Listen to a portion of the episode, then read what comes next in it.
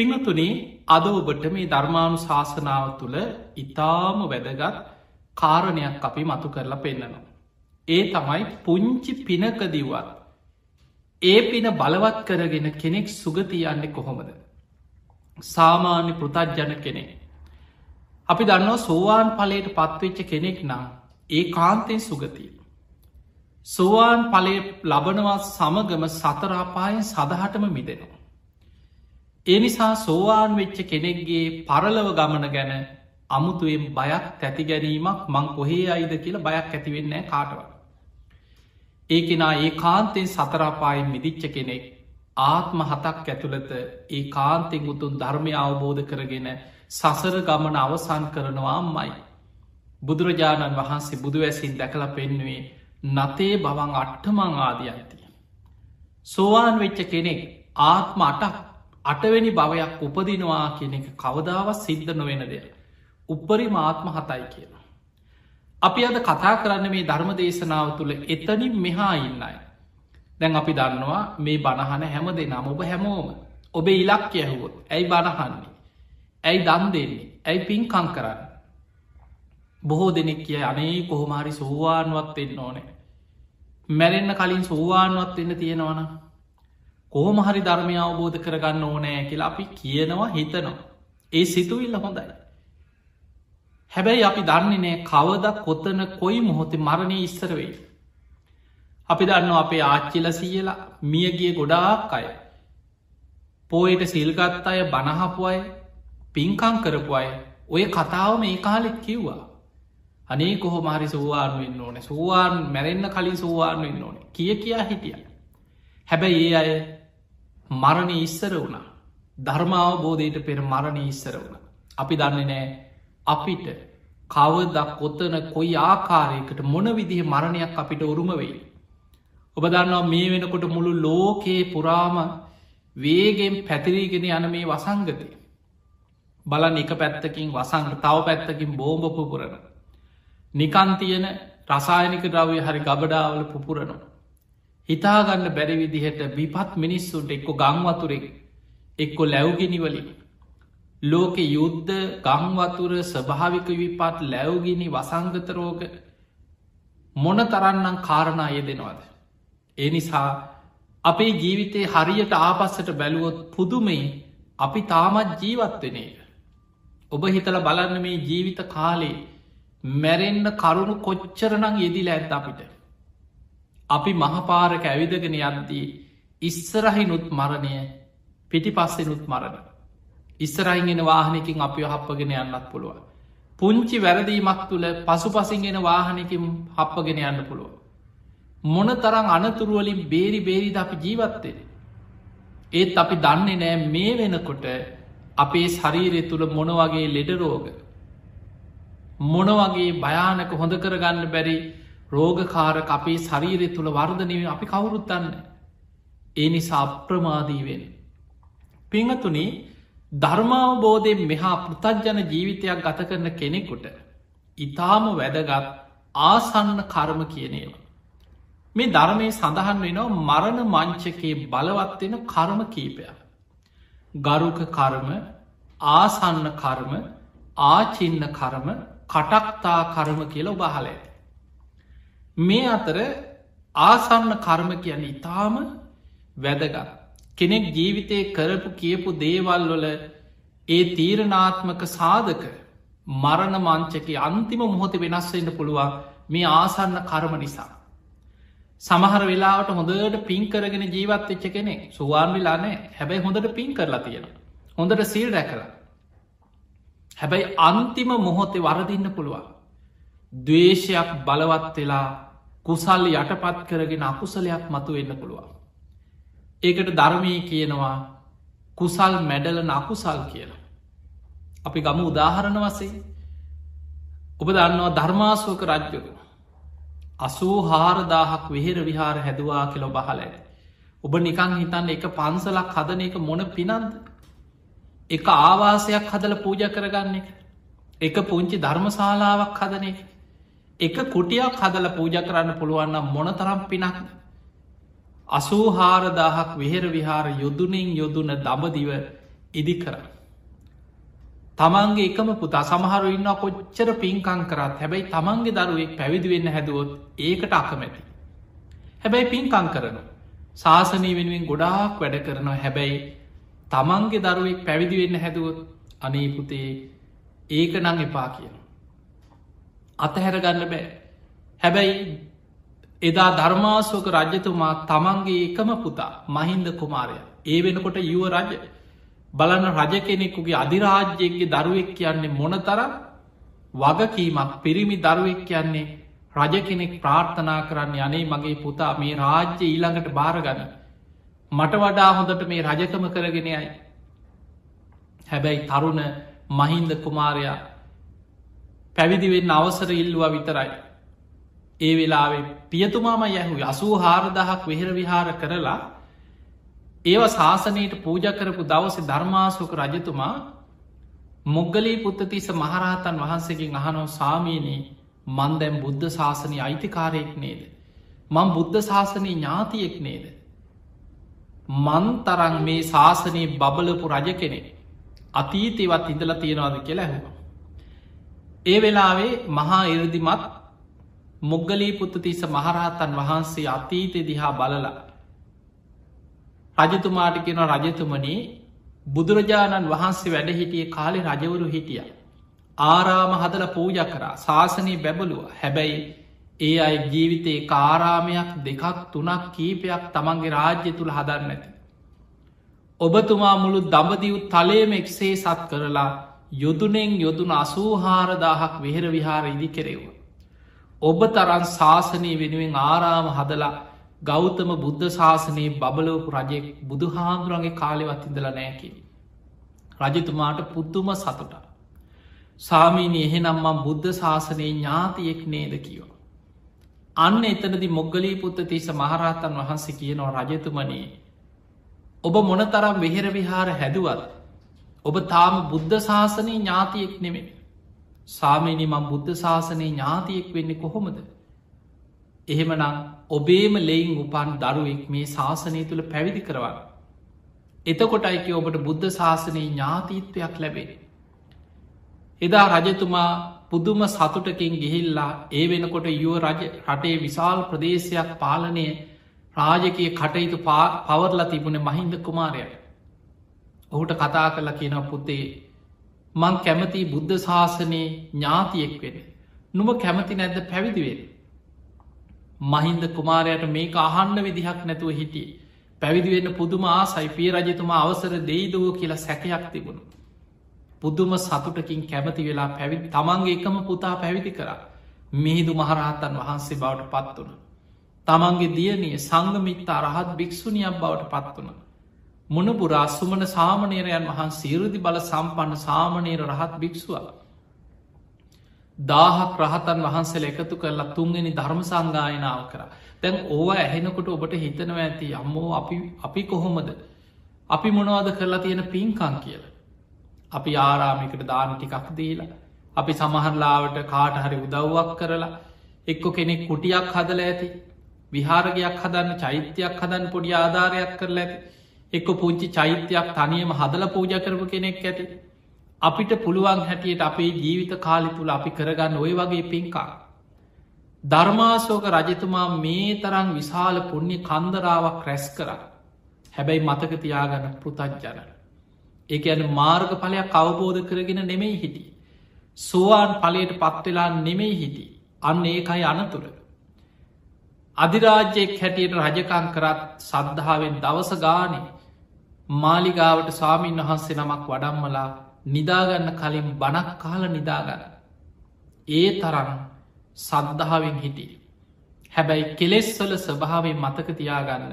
මේ හිතේ ස්වභාව අපි හොඳට තේරුම් ගත යුතු දෙයක්. ඒ තමයි හිත අපිට පාලනය කරග අපි හිත දියුණු කරලා අපේ හිත අවබෝධයකට පත්වෙන තාක් කල් හිත අපේ පාලනය තුළ නෙමේ තියෙන අනාත්මයි. හිත තමන්ගේ පාලනයට ගන්න පුළුවන් හිත දියුණු කරගත්ත කෙනෙකුට. එතෙක් අපි දන්නේ නෑ ක්ලේෂ ධර්ම මොන විදිහට යටපත්වේද. හිතාගන්න බැරි විදිහට මිනිස්සු කෙලෙස් වලින් අසරණ වෙනවා. බලන්න සමහර මිනීමැරුම් අපරාධ ඒ අයම පස්සෙ කියන වනේ මට හිතාගන්නවත් බෑ මගේ ඇති මේ වගේ අපරාධයක් වුණා කියලා.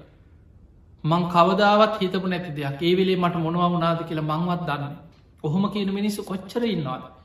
මිනී මරලාද වැලපෙන අඩාඩා දුක්කෙන් වනේ මගේ අතින් එහෙම මං කාටව සතකුටුවත් හිංසා කරපු කෙනෙක් නෙමේ නමුත් ඒ වෙලා මට මොකක් වුණාද කියලා මන්දන්න. එහෙම කියන මිනිස්සු ඉන්නවා. එතකොට හිතන්න මේ හිත ඇතුළේ රාගානුසය පටිගානුසය අවිච්‍යානුසේ කෙන ක්ලේෂ ධර්මයක් කොච්චර භයානකද කියලා හොයන්න බෑ. අවුරුදු ගණන් යටපත් වෙලා තියෙනවා. ඒව සැනින් මතු වෙන්න පුළුව සැනින් බලවත්වන්න පුළුව යටපත් වෙලා තියෙන මේ ක්ලේෂ ධර්මයක්. එනිසා පින්වතුනේ ධර්මාසෝක රජතුමාට මරණාසන්න මොහොතේ. ළඟහිටපු පවන්සලන කෙනාගේ අතින් වටාත්ත වැදෙනවා ටිකක් වේදනාවක් ඇතිවෙන. දැන් ඔබ හිතන්න එතනත් ඔබ හිතන්න. රජතුමාට පවන් සලන්න මේ පාරයන මිනි කඩගහලා මේ වැඩක් තියෙනවා කියලා වටාත්ත දෙන්න. රජතුමාගේ මාලිගාවේ ඉන්න සේවකයන් අතර. රජතුමා ළඟම සේවයට යොදවන්නේ ඉතාම විශ්වාසවන්ත. රජතුමාගේ හිත දිනාගත්ත. විශ්වාසවන්තම කෙනෙක් තමයි රජ්ජුරුව ළඟින්ම සේවය කරන්න. එතකොට බලන්න ඒ කෙනාතිනොත් කරුමි කියන්න ඒ වෙලාවට මොකක් හෝ වරදකින් වටාත්ත වැදුනා රිදෙන විදියට වැදුනද මොකක් වුණත් දන්න වැදුන කියලා හිතම. එතකොට ඒ සිදුවීමත් එක්ක හිතට තරහක් දවේශයක් ඇති වුණා දැන් නැකිට ගන්න බෑ අන කරන්න බෑ කතා කරලා යමක් කියන්න පුළුවන්කමක්නේ අවසාන මොහොද. ඒත් එක්ක හිතට තරහක් ගියා කේන්තියක් ඇති වුණා. අධිරාජ්‍යෙක් අර දවේශය කියන එක සැනින් බලවත් වනා. ඒ මොහොතේ කුසල සිතුවිලි යටපත් වෙලා අකුසලේ මරණ මංචකේ ආසන්න කර්මයක් හැටියට බලවත්වෙන. රජතුමා මරණින් මතු දින කීපයක් හරි දුගතියකට වැටෙන. මතකතියාග හැබැයි මිහිදු මහරහතන් වහන්සේ පෙනීදලා පියතුමා කොහෙද ඉපදුනේ කියලා දිවසින් දැකළ බේරගත්ත. පස්සේ දිවියලෝක ඉපදුනා.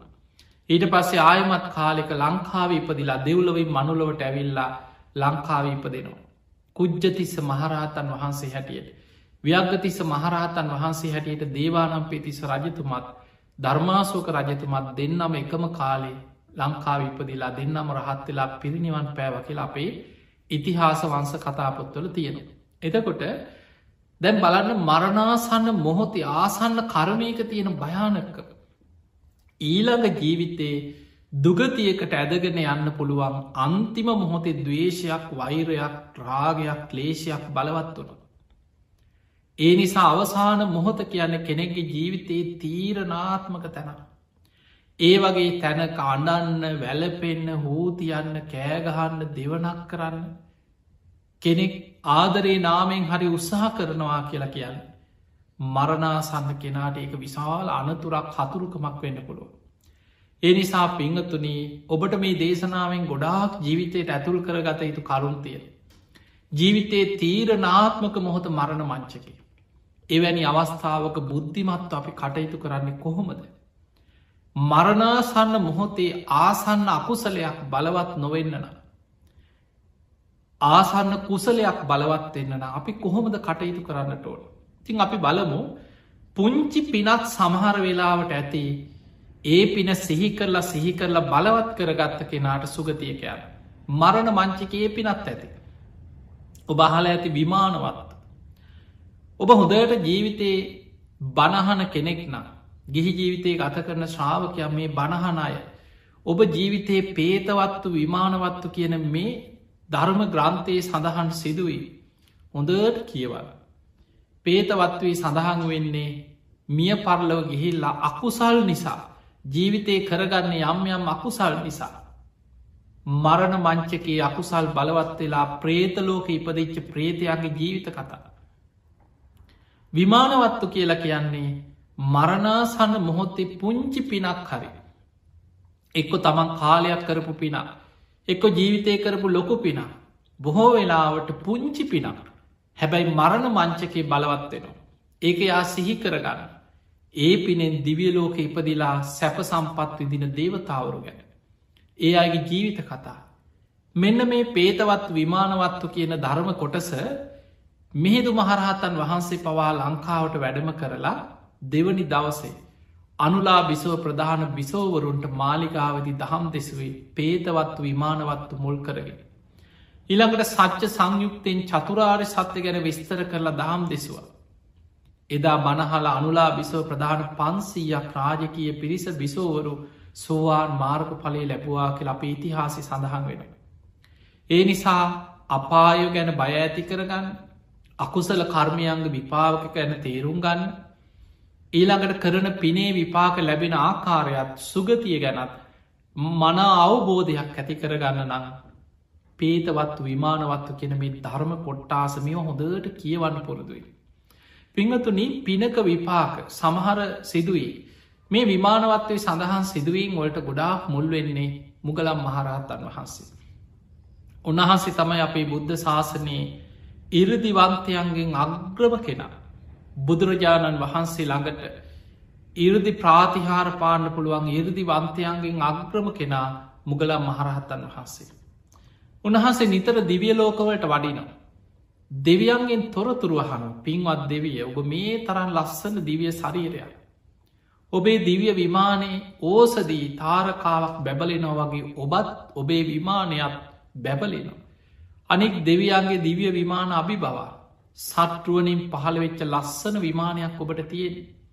ඔබේ දිවිය සේනාව දිවිය රත දිවිය සලුපිලි ඔය වගේ වර්ණා කරලා මුගලන් හාමුදුරු අහනුව පින්වත් දෙවිය පින්වත් දෙව්දුව.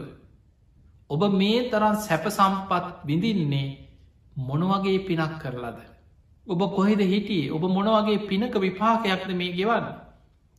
ඒ දෙවිවරු දිව්‍යාංගනාව තමන් කරපු පින්කං කියනව සාමීනි මං පෙර මනුලොව හිටිය. මං මේ වගේ තැනක හිටිය මේ වගේ ගමක හිටිය මේ වගේ දුප්පත් පවුලක කෙනෙක්.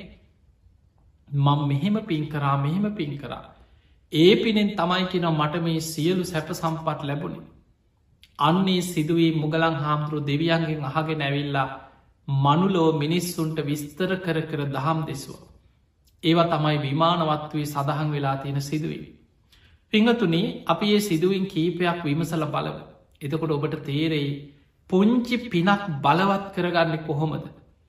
පුංචි පිනක් බලවත් කරගෙන කෙනෙක් සුගතිය උපදින්න කොහොමද. කෙනෙකුට මරණ මංචකේ පිනක් මතු කරගන්න පුළුවන් කොයි ආකාරයටද. සමහර සිදුවී හරීම පුදුමයි. දිවියලෝක ඉපදිච්ච දෙවියවරු ගැන. දවසක් එක ගොපලු තරුණේ. ගොපලු තරුණය කියන හරක් අනුන්ගේ හරක් බලාගන්න හරක් දක්කගෙන යන දරුවේ. ති මේ දරුවා හැමදාම තරුණ වයිස කෙනෙ ගිහිල්ලා හරක් පට්ටි අයිති හරක් අයිතිකාරයට ගිහිල්ලා හරක් ටික ඉල්ලගෙන යනවා මේ තනකොල කවන්න ති ගිහින් දාලා හරක් ඇවිදෝල ආපහු ගෙනහලා පට්ටියට බාරදුන්නට පසිතින් කියක් හරි හම්බේ. ඕකෙන් තමයි ජීවත්තය. මේ දරුව හරක් දක්කගෙන යනකොට නිතර ඒ පාරි පින්ඩ පාති වඩිනව මුගලම් මහරහත්තන් වහන්සේ.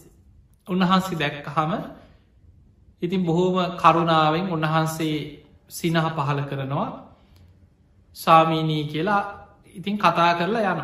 හැබැයි කවදාවත් උන්වහන්සේට දෙන්න දෙයක් බෙදන්න දෙයක් පූජ කරගන්න දෙයක් අතේ නැකෙවිට විතරයි තිය අරහරක් දක්ක.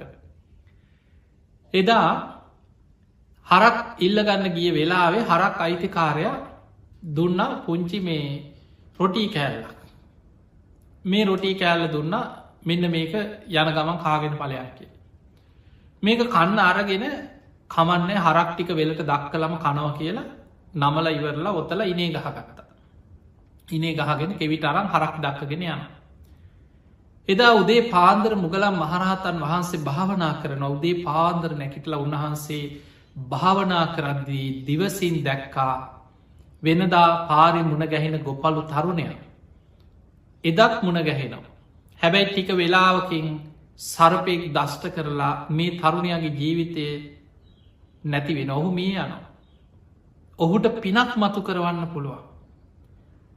ඔහුට යම් පිනක් මතු වුණොත් ඔහු සුගතියයි. මේක දැකලා මුගලම් මහරහතන් වහන්සේ වෙනද වගේම පාත්තරය අරගෙන අර ගොපලු තරුණය එනකොට මේ පාර ඉදිරියෙන් උන්වහන්සේ වඩිනවා. මේ තරුණයට මූුණට මොන ගැහුණ. ඒ වෙලායේ වෙන දවගේම හිනා වෙලා යන්න ඇරල ආයි මතක් වුණා අනේ වෙනදට මට මේ ශාමීන් වහන්සේ මුණ ගැහෙනොම ආරයන් වහන්සේ. හැබැයි මට දෙන්න දෙයක් නෑ. අද මට රොටී කෑල්ලක් තියෙනවා. මේක පූජා කරගත්තොත් කියලා අර හරක් ටික දැන් යනවා. ආපහු හැරිලා ඇවිල්ල ස්වාමිනි චුට්ටක් කොහොම ඉන්න කියලා. අර ඉනේ ඔතාගෙන තිබ්බ රොටී කෑල් අරං පාත්තරයට පූජ කර පූජ කළ බොහෝම සද්ධාවෙන් දනගහල වන්දනා කර. ඔච්චරයි දැම් බලන්න ජීවිතය කරගත්ත එකම පින මේ මහා සල්ලි තිබිච්ච දිනපතා පින්කං කරපු නිතර බුදුගුණ සීකර කර කාලයක් සිල්ගුණ දහම් පුරුදු කරපු කෙනෙක් නෙමේ අර මොහොතේ පිට්ටු කැහැල්ල පූජ කර මුගලම් මහරහතන් වහන්සේ පාත්තරයට පිළිගෙන ගාථාවකින් පින් අන්මෝදන් කරලා උන්හන්සේ ඉදිරියට වැඩිය. අර ගොපලු තරුණය හැරිලා බලනකොට හරක් ටික වෙලකට පැනලා. ඉක්මනට දුවගෙන ඇවිල් ආපහු හරක් පස්ස යනකොට මේ නියර යනකොට නියර හිටියා විස සහිත සර්පය මේ කර්මාරූපය වෙච්ච දෙය. මේ සරපයා දෂ්ට කරා කකුලට. කොයි තරම් විස සහිත සරපයෙක්ද කියන්න ඔහුගේ දෂ්ට කරනවා සමගම එහෙේ මැදගෙන වැටුණා. විස වේගෙන් ශරීරය පුරා ඇදිල ගිය. ඒ වැටෙන හඬ මුගලම් මහරහතන් වහන්සේ ඉදිරියට වඩිනට උන්වහන්සේ ඇහු උන්වහන්සේ හැරිල බැලුව. නියර ඇදගෙන වැටිලා. අර සරපය නියර දිගේ ඇදිලා යන මුගලම් මහරහතන් වහන්සේ එතනට වැඩම කරා. දැන් ඔබ හිතන්න මරණ මංචකයේ පුංචි පිනක හරි වටිනාකම දන්න ආරයන් වහන්සේලා මහරහතන් වහන්සේලා කටයුතු කරපු ආකාරයක් සාමාන්‍යයේ පිනක වටිනාකමක් මරණ මංචකයක් ගැන නොදන්න කෙනෙක් කටයුතු කරන ආකාරයක් මොනතරම් වෙනසක් තියෙනවාද කියල මේ දේශනාවෙන් ඔබට තේරුම් ගන්න පුළුවන්. ඔබ නිකං හිතන්න ඒ වෙලාවෙ ඔබ ඒ අසල හිටියා නම් ඔබ මොකද කරන්න? කෑගහ යනේ බේරගන්න කෙනෙක් නැද්දෝ? මෙන්න මේ ළමයට සරපයෙක් ගහලා කවුරු හරි වරල්ල මේ ළමය උත්සගෙන යන්න වෙද මහත්තයෙක් ළඟට හරි. ඔබ ඕක නෙමේද කරන්න? එක්කො සරපයත් අල්ලගෙන යන්න හදයි. එක්ක සරපය මරල හරි ගෙනියන්න හදයි කෙනෙක් සමහරලාවට සරපය හොයාගත්තොත් බේට් කරන්න පුළුවන් කියලා. එහෙම නැත්නම් අර ලෙඩාව ඉක්මනට උත්සගෙන යන්න හදයි. මුගලම් මහරහතන් වහන්සේ සියල්ල දැක්කා. මුගලන් හාමුදුරන්ට අවශ්‍ය වනේ මරණ මංචකයේ පිනක් මතු කරන්න. මුගලම් මහරහතන් වහන්සේ වැඩම කරලා අර දරුවා දැන් ඇදගෙන වැටිලා විස ශරීරය පුරාම දුවලා ඇස් නිලංකාර වේගෙන යනවා නහයෙන් කටින් සෙම වැැක්කෙරෙන.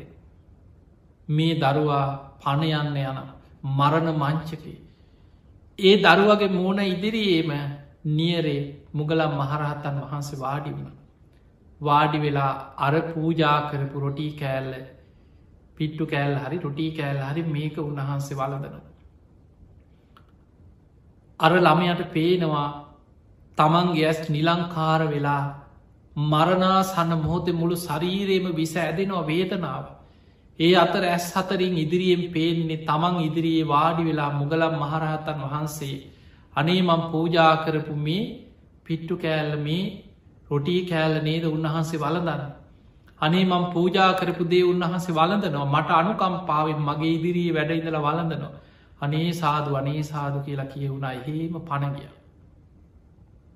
නින්දෙන් පිපිදියාගේ දිවිය ලෝක පහළ වන. දවසක් මුගලම් මහරහතන් වහන්සේ දිවිය ලෝකෙට වැඩම කරලා දෙවියන්ගේ විස්තර අහගෙන අහගෙන යනකොට බොහෝම ලස්සන දිවිය විමානයක් දැක්ක. ඒ විමාන දිහා බලනකොටම දෙවියන් පිරිවරාගත්ත දිව්‍යාංගනාව පිරිවරාගත්ත බොහෝම ලස්සන දෙවි කෙනෙක් ඇවිල්ලා මුගලම් මහරහත්තන් වහන්සේට වන්දනා කරලා කියෙන ස්වාමිනි ඔබහන්සේට මගේ නමස්කාරවේවා.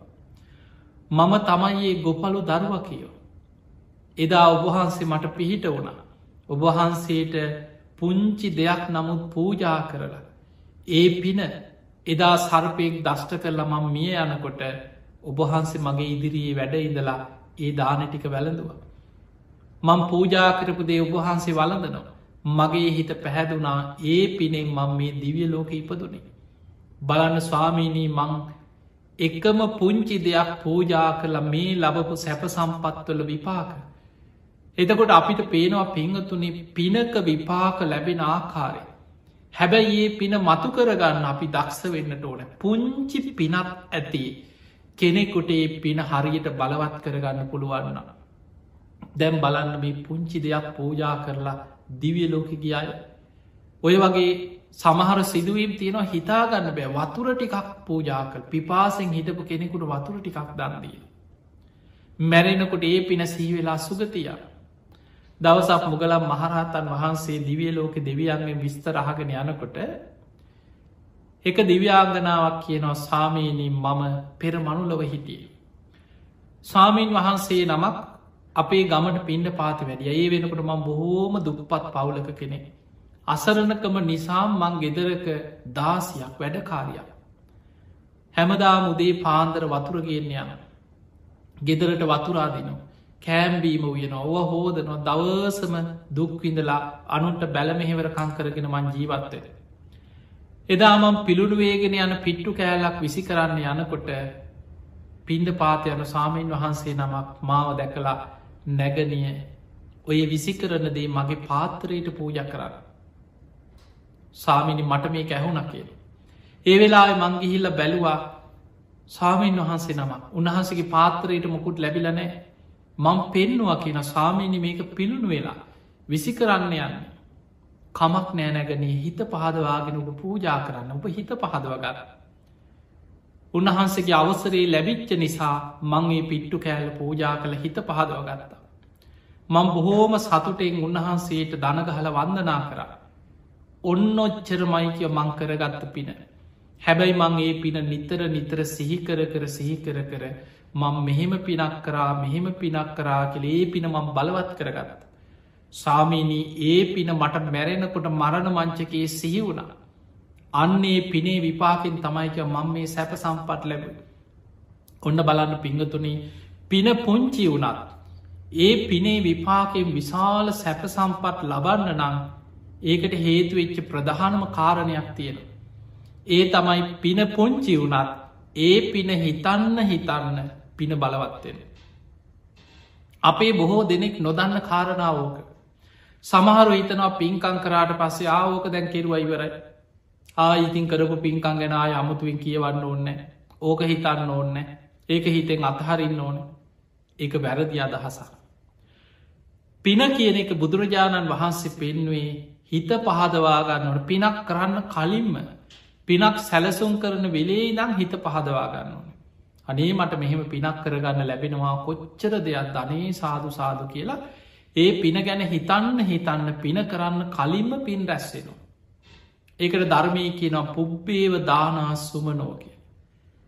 ඊළඟට පින කරන වෙලා බුදුරජාණන් වහන්සේ පෙන්න්නනවා පිනක් කරනකොට දදන් චිත්තම් පසාදේති හිත පහදවාගෙන දන්දේ. කරම කරම්පල විශ්වාසයෙන් ගෞරවෙන් සද්ධාවෙන් හිත පහදවාගෙන ඒ පින කරන්න. ඒ පින කරන වෙලාවෙ හිත පහදවාගෙන ඒ පින කරද්දී විශාල පිනක් රැස්සෙනවා. හැබැයි ඔබ පින කරලා ඉවර වුනා කියලා පින ඉවර වෙන්න. එතන ඉදං ඒ පින ඔබට වඩන්න පුළුවන් භාවනාවක් වසයෙන් පුරුදු කරන්න පුළුවන්. ඔබ කරපු පින ගැන හිතන්න හිතන්න චේතනා පහළ වෙලා තමයි අපි හිතන්න. ඒ පින ගැන කවරු හරි අපි කතා වෙන දැන් ගෙදර කතා කරනවා කියලා හිතන්න. ගියවුරුද්ද අපි මෙහෙම පින්කමක් කරා අපි ගිය මාසෙන මේ පින්කම කරගත්තේ අපි මෙහෙම පින්කං කරගත්තා මෙහෙම පින්කං කරගත්තා අපි කරපු පින් ආවර්ජනය කර කර අපි සතුටු වෙනවා. එහෙම පින ආවර්ජනය වෙන්න ආවර්ජනය වෙන්න ඒ පින බලවත්වෙනවා. දදන් චිත්තම් පසාදේති. දීලා කරපු පින් ගැන නැවත නැවත හිතන්න හිතන්න හිත පහදවන්න පහදවන්න ඒ පින බලවත්වෙන. පිංගතුනී මරණ මංචකයේ පවා ඒකන දුටුගැම රජ්ජුරුව පින් පොතක් තියාගත්තේ. මං මෙහෙම පින් කරා මං මෙහෙම පින් කරා මෙහෙම පින් කරා ඉස්සර මිනිස්සු පින් පොතක ලියලා ඒ පින් ලියලියා සිහිකර කර සිහිකර කර සතුට වුණා. ඒ නිසා පින ගැන සිහි කරන්න සිහි කරන්න පින ගැන කතා කරන්න කතා කරන්න. අපේ සිතකය වචනය තුන් දොරීම පිනක් මෙනෙහි කරද්දී ඒ පිනට අනුව කුසල් බලවත්වෙනවා කරම රැස්සෙනවා. ඒ නිසා මරණ මංචකේ පවා ඒ පින සිහිකරගන්න පුළුවන්නා ආසන්න කුසලයක් හැටියට පුංචි පිනත් ඇති සුගතියකයාට. පිංහතුනේ අපි තව සිදුවීන් කීපයක් බල ඔබට තේරේ පිනක බලවත්කම සමහර සිදුවී තියෙනවා හිතාගන්න බැරි දේවල්. මේ හිත රැකගන්නවා කියන එක මොන තරන් දෙයක්ද. අපි බුදුරජාණන් වහන්සේ වැඩ සිටිය කාලේ හැමෝම බුදු හාමුදුරුවන්ට කැමැත්තෙන් ගෞරව කරේ නෑ. ඒ කාලෙත් හිටියා අන්න තීරතකය. නිගන්ට ශ්‍රාවකය හිටිය සංජයේ බෙල්ලට්ටිපුත් අජිත කේසකම්බලි කකුද කච්චායන මක්කලි ගෝසාල සත්සාශුවරු විතරක් නෙමේ. දෙසැටක් මිත්‍යා දෘෂ්ටිවලින් පිරිලා තිබ්බ කියන බුදු හාමුදුරු පහලනු දෙසැටක් මිත්‍යා මතවාද. ඒවා පිළිගත් ඒවා සරණගිය. ඒවා හරි කියලා විශ්වාස කරපු මිනිස්සු කොච්චර බුදු හාමුදුරන්ට විරුද්ධ වැඩ කරා. ඒ අතර බමුණු ඔය බ්‍රාහ්මණ බොහෝ පිරිසක් බුදුරජාණන් වහන්සේට වෛර කර. ඒකට හේතුව බුදුරජාණන් වහන්සේ තමයි බමුණන්ගේ බමුණු මතවාදවලට විරුද්ධව ධර්මයෙන් නිවරදිවම පෙන්නල දුන්නේ. මොකද බමුණු හිතාගෙනින් ඒ අය මහා බ්‍රහ්මයාගේ කටින් ඉපදිච්චාය කියල. මහා බ්‍රහ්මයාගේ මොකෙන් ඉපදුනා කියලා හිතාගෙන. ලෝක ඉන්න උසස්ම ජාතිය කියලා හිතාගෙන ඉන්නේ බ්‍රාහ්මණවරු. බුදුරජාණන් වහන්සේ දේශනා කරා කම්මනා වසලෝ හෝති. කම්මනා හෝති බ්‍රාහ්මණ උපතින් කෙනෙක් වසලේකත් බමුණෙක්වත් වෙන්නේ. කෙනෙක් බමුණෙද්ද වසලේද්ද කියලා තීරණය වෙන්න යාගේ ක්‍රියාව තුළයි. කෙනෙක් පහත් කුලේක ඉපදුනත් එයා සීලවන්තන එයා ධර්මය දියුණු කරන කෙනෙක් නම්. එයා ගුණ ධර්ම පුරණවන. මෛත්‍රයේ කරුණා මුදිතා උපෙක්කා වඩන කෙනෙක් නම් එයා බ්‍රහක්මනේ. උසස් කුලේ ඉපදුනත් එයා කරන්නේ පහත් වැඩනං එයා වසලේ. බුදුරජාණන් වහන්සේගේ මේ දේශනාවලට බමුණු කිපුණ. ඔය අතර තිබුණ තූන කියලා බ්‍රාහ්මණ ගම. දවසක් බුදුරජාණන් වහන්සේ භික්‍ෂූන් වහන්සේලා පිරිසක් පිරිවරාගෙන ඔය ගම හරහා ඈත චාරිකාවක වඩින්න තියෙන. ඒ වඩිනකොට මහා කැලේ පහු කරගෙන ගිහිල්ල මුණ ගැහෙන්නවේ ගම. එදකොට මේ ගම හරහා තමයි වඩිනි. ග්‍රීස්ම කාලයක් කැන අව් කාෂ්ටකේ වැඩි පිපාසෙ ගොඩක් දැනෙන කාලයක් ඒ කාලය. බුදුරජාණන් වහන්සේ පන්සීයක් තරම් භික්‍ෂු සංඝයා පිරිවරාගෙන. ඔය තූන බ්‍රාහ්මණ ගම හරහා වඩින්න චාරිකාය පිටත්තුට. දැන් ඔය ගමන වඩිනකොට මගදිම තූන ගමේ බ්‍රාහ්මණයන්ට ආරංචි වුණා ඔන්න භාග්‍යවත් බුදුරජාණන් වහන්සේ ඒ කාලෙ බමුණු හැදින්ුවේ මෙහෙම ශ්‍රමණ බවත් ගෞතමයෝ කියලා. බුදුහාගරන්ට ගෞරුව දීල කතා කරන්න මේ බමුණු. අන්න අර ශ්‍රමණයන් වහන්සේ සිද්ධහර්ථ ගෞතමයන් වහන්සේ ඔන්න අපේ ගමට වඩිනවල් අපි හොඳ පාඩමක් උගන්නමු කියලා ඔන්න බමු නොක්කොම එකතුන ඒ කාලි තිබිල තියෙනවා ගම් සභා වගේ ඒ ඒ අයි තමයි තීරණ ගන්න. ඒ අයි නීති පනුව ගන්නවා. ගම්පතියෝ ඉදල තිනවා ගමේ නීති පනවන ගම්පතියෝ. ඒ අයම නීති කැඩුවත් ගමේම දඩුවන් දෙනවා. ඒ අය එකතු වෙලා තීරණය කරා හැමෝම එකතු කරලා අපේ ගමේදි හොඳ පාඩමක් උගන්නන්න ඕන. අපේ බ්‍රාහ්මණ ආගමට ගරහා කරපෝය ශ්‍රමණයන් වහන්සේ පිරිස පිරිවරාගෙන ඔන්න එනවල. අපි හොඳ පාඩමක් උගන්න. එක ගෙදරකින් දානි හැන්දක් දෙන්න එපා. තකොට සමහරු කතා වතුර වතුර පොදත් දෙන්න එපා කියෝ. ඒ අතර සමහරු කිව් අපේ ලිංවලින් වතුර ගනීනේ. ඊට පස්ස කිව්ව අබ්බලා හොඳ පාඩමක් උගන්න නම් මෙන්න මෙහෙම දෙයක් කර පලා. දින කීපයකට ප්‍රමාණවත් වතුර ගෙදරට ගෙනහල්ල තියාගෙන ලිංවලට පිදුරු දාලා වහන්න කියව. බලන්න කොච්චර බුදුහාදුරන්ගේ වතුර පොදක් නොදී පලිගත්ත මිනිස්සු ඒ කාල ඉදල තියෙනවා. ලිංවලට පිදුරු දාලා වහන්න කී. ගෙවල් ගමටාවට පස්සේ එක ගෙදරකින්වත් වතුර ටිකක්ත් දෙන්න එපා අපි හොඳ පාඩමක්කු ගන්නමකි. දැන් හැමෝම අර නීතිය බ්‍රාහ්මණයන්ගේ නීතිය කැමැත්තෙන් හෝ අකමැත්තෙන් හැමෝම දැන් කටයුතු කළ යුතුයි. බුද්ධ ප්‍රමුඛ මහා සංඝයා මේ ගමට වැඩිය. ඔය අතරේ පිපාසය ඇති වෙලා බොහෝ භික්‍ෂූන් වහන්සේලා චාරිකාය වඩින් ගෙයින් ගෙට වඩිනවා පාත්තරය අර දානිනේ වතුර ටිකක් හරි කවුරුත් වතුර පොදක් දෙන්න. ගෙවල්ලොල දොරවල් එනවා දකිනකොට වහගන්න. බුදුරජාණන් වහන්සේටත් පිපාසය හැදුරු. ආනන්ද හාන්දුරු පාත්තරය අරන් ගයක් ගයක් ගාන වැඩිය එක ගෙදරකි වතුර පොදක් දෙන්නේ. ආනන්ද හාන්දුරු බුදුරජාණන් වහන්සේ ළඟට වැඩම කරා. බුදුරජාණන් වහන්සේ වදල ආනන්ද පිපාසේ කලන්තේ. ඔබ යන්න කිවල් ලිදක් ළඟට. ඒ ලිඳ ළඟට යනකොට ලිඳට පිදුරු දාල වහල ආපහු ආනන්ද හාමුදුර ඇවිලකෙන සාමයන ඒ ලිංවලට පිදුරු දාල වහලා බුදුරජාණන් වහන්සේ වදල ආනන්දු බායමත් එතන්ට යන්න ගිහිල්ලා ඒ ලිදට බුදුරජාණන් වහන්සේගේ පාත්තරේ මං මේ බුදු කෙනෙකුටයි පැම් පූජ කරන්න සූදානන් වෙන්නේ කියලා බුදු හාමුදුරුවන්ටයි මේ පැන් කියල පාත්තරේ ලිඳට ලං කරන්න කිය. ආනන්ද හාමුදුරු ආයමත් එතනට ගිහිල්ලාර පිදුරු දාල වහපු ලිඳ ළඟට ගිහිල්ලා බුදුරජාණන් වහන්සේගේ පාත්‍රය ලිඳට ලංකරලා බුදුහාමුදුරන්ටයි මේ පැන් කියලා හිතනකොටම බලාගනින් නැති ආශ්චරය මධ්‍යයක් සිද්ධ වුණා වතුර උතුරන්න පටන් ගත්ත. ලිඳේ වතුර උඩට ඇවිල්ල උතුරන අර පිදුර ඔක්කොම උතුර ලගිය නිල්ම නිල් පාටට වතුර උතුරලයන. ආනන්ද හාන්දුරන්ට අදහාගන්න බෑ සතුට. පැන් එකක් පෙරාගෙන ඇවිල්ල බුදුරජාණන් වහන්සේ පූජා කරා පිවතු බන්තේ පානියම් පිවතු සුගතෝපානිය. සුගතයන් වහන්සමී පැන් වලදන්න තතාගතයන් වහන්ස මේ පැන් වලදන්න. බුදුරජාණන් වහන්සේ වදල ආනන්ද ඉක්මනින් මේ ගමින් පිටත් වෙලා වෙනත් ප්‍රදේශයකට වැඩම කරන. මොකද මේ ගමේ වැඩි වෙලාවක් හැඳුනොත් විශාල පිරිසක් ගමේ මිනිස්සු අපාගත වෙන කර්ම රැස් කරගන්න. එතනදිත් බුදුරජාණන් වහන්සේ මිනිස්සු ගැන කරුණාවෙන් ඒ ගමින් වැඩම කරා. ඔය අතර සිදුවෙච්ච එක සිදුවීමක් තියෙන. ඒ තමයි එක ආරයන් වහන්සේ නමක් පිපාසි හැදිලා පාත්තරය අරගෙන පිණ්ඩ පාති වැඩිය. ගෙවල් කීපයකට වැඩිය එක ගෙදරකින් වතුර ටිකක් දෙන්නේ. එක ගෙදරක තරුණ බ්‍රාහ්මණ කාන්තාවක් ඉන්නේ.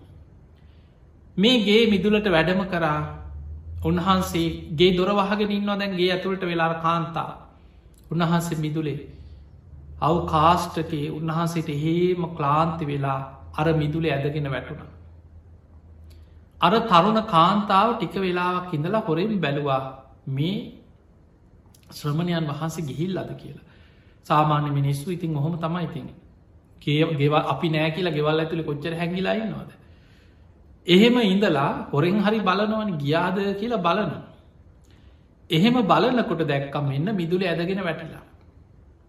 මේ කාන්තාවට හිතුනා වතුර ටිකක් ඉල්ලගෙන පිපාසිෙන් ආපු කෙනෙක් මොනව වුනත් මනුස්ස ජීවිතයක් මගේ නිවසේ මගේ ගේ ඉස්සරහා ඕන දෙයක් වෙච්ච දෙමං වතුර ටිකක් දෙනවා කියලා ගෙට ගිහිල්ලා භාජනයකට වතුර ටිකක් අරගෙන එලියට ඇවිල්ල හොරෙන් වටපිට බැලුව. කවුරුත් දකීද?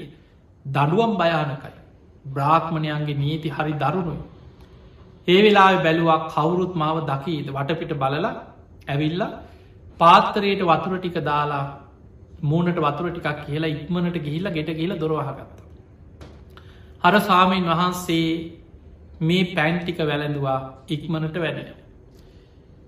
ඔය බ්‍රාහ්මණ දැම් මේ වැඩේවර දැම් බුදුරජාණන් වහන්ස භික්ෂූන් වහන්සේලා පිරිවරාගෙන ඉක්මනින් මේ ගමෙන් වැඩිය මේ මිනිස්සු පව් කරගන්න. දැන් බුද්ධ ප්‍රමුඛ සංඝයා මේ නගරින් ගමින් පිටත් වනාට පස්සේ බමුණන්ට පුදුම සතුට. දැන් එකතු වෙලා සාකච්ඡා අපි තමයි පාඩමක් ඉගැන්න. සමහරු කියෙන අපේ ගෙදරටත්තාව අපි දුන්නේ අපි දොර වැැහවා. අපේ ගෙදරටත්තා දැන් ඔන්න කට්ටිය සතුටට ප්‍රගති සමාලෝචන රැස්වීමත්ද. දැම් බ්‍රහ්මුණු එකතු වෙලා මේ ගැන කතා වෙනකොට එක වයසක බමුණෙක් ඉදිරිපත් වෙලා කිව්වා මේ මගේ දෑහින් දැක්ක කිවා බ්‍රාහ්මණ නීති කඩපු බමුණන්ගේ පරම්පරාවටම නින්දාවක් වෙච්ච අන්න අසවල් ගෙදර ඉන්න තරුණ බ්‍රාහ්මණය. පැන් දෙනවා මං ඇස් දෙකින් දැක්කක ඔන්න ඇහින්දුටු සාක්කි. දැම් මේ කේලම කිව්. දැන් අර බමුණු කාන්තාව ඇදගෙනවා නඩුවහන තැනට. ගෙනල් අහද්දී බොරු කීවෙන පිළිගත්ත ඇහෙන්දුටු සාක්කිත් තියෙන. ඒ වෙලා බමුණෝ ඒක මතිකව තීරණය කර අපේ සංහතියටම කරපු මේ නින්දාවට දඩුවන් කරන්න ඕන. ගල් ගහල මරන්න ඕන කිය. ඔන්න බලන්න ඒ කාලෙ තිබිල තියෙන සමහර ගංගොල සමහර බ්‍රාහ්මණයන්ගේ දරුණු දඩුවක්. අර බමුණු කාන්තාව ගල් ගහල මරන්න තීරණය කර තැන් බලන්න මේ ලොකු වෙන අපරාධයක් කළ නෙමෙයි පැන්ටිකක් පිපාසෙන් කලන්තය හැදිච්ච කෙනෙකුට පැන්ටිකක් පෝජ කරලා. අර බමුණු කාන්තාව ඇදකි නැවිල්ලා නගරෙ මැද අත් දෙක පිටිපස්සට බැඳලා දැම් බ්‍රාහ්මණවරු ගල් ගහල මරන්න දැන් එකතුුණා. දැන් ඔබ හිතන්න මෙවැනි සිදුවීමකද හිත රැකගන්නවා කියන කොච්චර අමාරුද කියලා හිතන්න හිත රැක ගැනීම වටිනාකම ඔබට හොඳට තේරුම් ගන්න අවස්ථාව.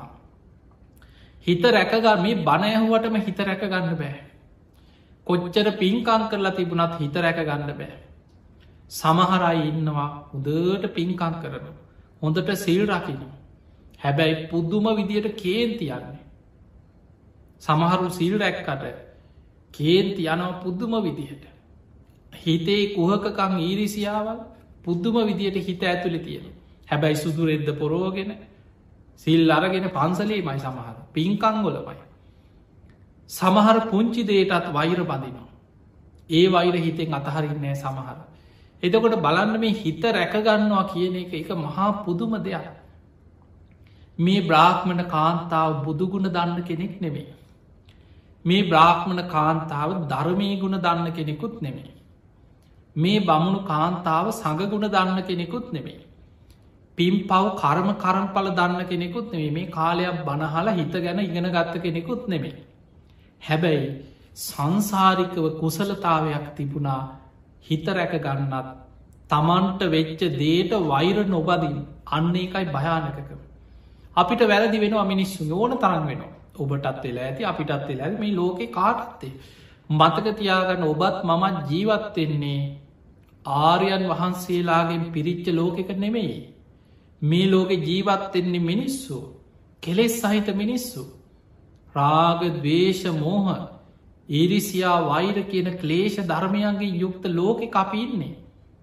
අවිද්‍යා සහකත විඤ්ඥානයක් පරිහරණය කරන ලෝකයක් මේ හැම මනුස්්‍යයා තුළම තියෙන්නේ රාගානුසේ පටිගානුසේ අවිද්‍යානුස්සේ කෙලෙස් එක් එකතු වෙලා කෙලෙස් වලින් යටපත්වෙන කෙලෙස් සහිත විඤ්ඥානයක් එක මිනිස්සු ජීවත්වෙන. එවැනි ලෝකෙක අපිට ඕන තරම් මේ සමාජයේ ඉරිසියා කිරීම් වෛර කිරීම් පලිගන්නේවා නොඒ අසාධහරණකං ඒක තමයි ලෝක කියන්න. ඒක තමයි සංසාර මේ සසරේ එවැනි සිදුවින් ඕන තරන්න ඇති. හැබැයි බොහෝ දෙනෙක් එවැනි දේවල් වලදී හිතේ වෛර තියාගෙන මට අසවලා මෙහෙම කරා මෙහෙම කරා මෙහෙම කරා මුම්මට මෙහෙම කරා. ඒවා පැසෝ පැසෝ ඉන්නවා. මරණ මංචකේ කතහරින්නෙත් නෑ. බොහෝ දෙනෙකුට සුගතියන්න බැරි ඔන්න ඕය දැන් අර බමුණු කාන්තාව හිත හදාගත්තා. කමක් නෑ ගල්ගහල මාව මරපුදේ මංකරේ යහපත් දෙයක්. මංකරේ පිපාසෙන් කලන්තෙ හැදිල වැටිච්ච කෙනෙකුට වතුර ටිකක් තුන්න මංකරේ කෙනෙකි ජීවිතයක් බේරගන්න දෙයක්. මංකරේ කෙනෙකුට පිහිට වෙන දෙයක්. කමක් නෑ මං හිත හදාගන්නවා කෙළ හිතහත් දැම් බලන්නක තමන්ව මරන්න සූදානන් වෙනකොට ගල්ගහල මරන්න සූදානන් වෙනකොට පිපාසෙන් කලන්ත හැදිච්ච කෙනෙකුට මං වතුර ටිකක් දුන්නේ. කමක් නෑ මාව මරපුදෙන් මංකරේ හොඳ දෙයක් කියලා හිත හදාගන්න පුළුවන්නම් මොන තරන් ඒ හිත බණෑහුයි නැතත් දියුණුද කියලා ඔබ හිතන්න. ධර්මී නොදන්න පුතජ්ජන ජීවිතයක් වුණත්තේ බ්‍රාහ්මණ කාන්තාවගේ හිත මොන තරන් දියුණු මට්ටමත් තිබිල තියෙනවාද? පෙර සසරහර පුරුද්දා බමුණ එකතු වෙලා ගල් ගැහුවා. ඒ ගහන ගල් පාරක් පවා ඒ අයට වෛර කරන්න නැතුව තමන් කරපු යහපත්දේ හිත පිහිටවා ගත්තා. එහෙම මැරුණා නින්දෙන් පිබිදියා වගේ දිවිය ලෝකෙ පහළ වුණා. අරආරයන් වහන්සේ නමකට පැන්ටිකක් පූජා කරපු පින පිපාසෙන් කලන්ත හැදිල වැටිච්ච කෙනෙකුට පැම් පූජ කරගත්ත පිනක් මරණ මංචක විපාක දුන්න සෝවාන් වෙච්ච කෙනෙක් නෙමෙයි මේ. එදකොට බලන්න මරණාසන්න මොහොතේ හිත රැකගන්නවා කියන මොන තරන් දෙයක්ද. ඔබම හිතල බලන්න මෙවැනි දෙයක් අපිට අද ලෝකෙ ඔය වගේ නීති නැති වුණාට මෙවැනි දෙයක් සිද්ධ වුණොත් සාමාන්‍ය කෙනෙකුට ඔහොම හිත හදාගන්න පුළුවන්ද. අද අපි දන්නවා සමහරු මේ දාන පූජකල අනි පැත්තර දීපු දානටත් බැන බැන යන මිනිස්සේ. මේ දන් දෙන පින්කං කරන සමහරු පන්සල්ලට උදව් කරන ධර්මශාලා හදනවා කුටි හදනවා දන් දෙනවා හැබැයි පොඩි දෙයක් ඇති අර හාමුදුරුව එක තරහ වෙලා දීපු දානටයි උදව් කරපු ඒවට හදපු කුටිවලට ඔක්කොට ඕම බැන බැනා බැන බැනා යන මිනිස්සු ඉන්නවා. අපි මෙච්චර දේවල් කර අපි මෙච්චර දේවල් කරා කිය. එතකොට අපිට පේනවා මිනිස්සුන්ගේ හිත තරහක් ඇති වුණාට පස්සේ සියල් අනික් පැත්ත ගහන. තමන්ගේ හිත රැකගන්නවා කියන එක ලේසි දෙයක් නෙමෙයි. හැබැයි මරණ මංචකේ හිත රැකගත්ත කෙනා කුසලෙ හිත පිහිටවාගත්ත කෙනා ජයගන්න. එනිසා පිංහතුනි පුංචි පිනත් ඇති සුගතියක යන. ඒකයි බුදුරජාණන් වහන්සේ දේශනා කරේ කවදාවත් පිනට ගරහන්න එපා ඕක පොඩි පිනක් ඔය පින කරලා වැඩක් තියෙනවද ඔය පුංචි පිනක් නොවෑ එහෙම කවදාවත් පිනට ගරහන්න එපා බුදුරජාණන් වහන්සේ පෙන්වා භාජනයකට ජලය බින්දුව බින්දුව බින්දුව වැටිලා. ඒ භාජනයම ජලයෙන් පිරිලා ඉතිරිලා යන්න යම්සේද. පුංචි පුංචි පින එකතු වෙලා එකතු වෙලා එකතු වෙලා ජීවිතය පිනෙන් පිරිලා ඉතිරිලා යනවා. ඒ නිසා කවදාවත් පිනක් පුංචී කියලා පිනට අවමං කරන්න එපා. පුළුවන් තරම් පින් කරගන්න. සතෙකුට හරි කෑම ටිකක් දෙන්න දවසගාන. ආත්ම සීයක් කානිසංස දෙන පිනක්. අසරණ කෙනෙකුට හිඟන් කාට හරි දෙනකොට ඒක වලක් කන්න යන්න එපා. ඕක හොරෙක් ඕක සල්ලාලේ කුඩුකාරේ දෙන්න එපා ඔවුන්ට උදව් කරන්න එපා කියලා අනුන්ගේ පින වලක්කන මිනිස්සු කොච්චර ඉන්නවද. ඒ නිසා අසරණයකුට උදව්වක් කරද්දී ඒක වලක් කලා තමන් අහක යන කරුණු කරේගහගන්න ලෑස්ති වෙන්න එපා. ඔබට පුළුවන්නම් පුළුවන් විදියට පින් කරන්න පින් කරන්න බැයි නම් කෙනෙක් කරන පිනක් දැකලා අනුමෝදන්වෙන්.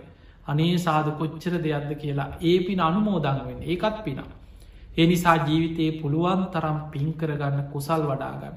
ඒ කරන පුංචි පින නිතර නිතර සිහි කරලා සිහි කරල බලවත් කරන්න.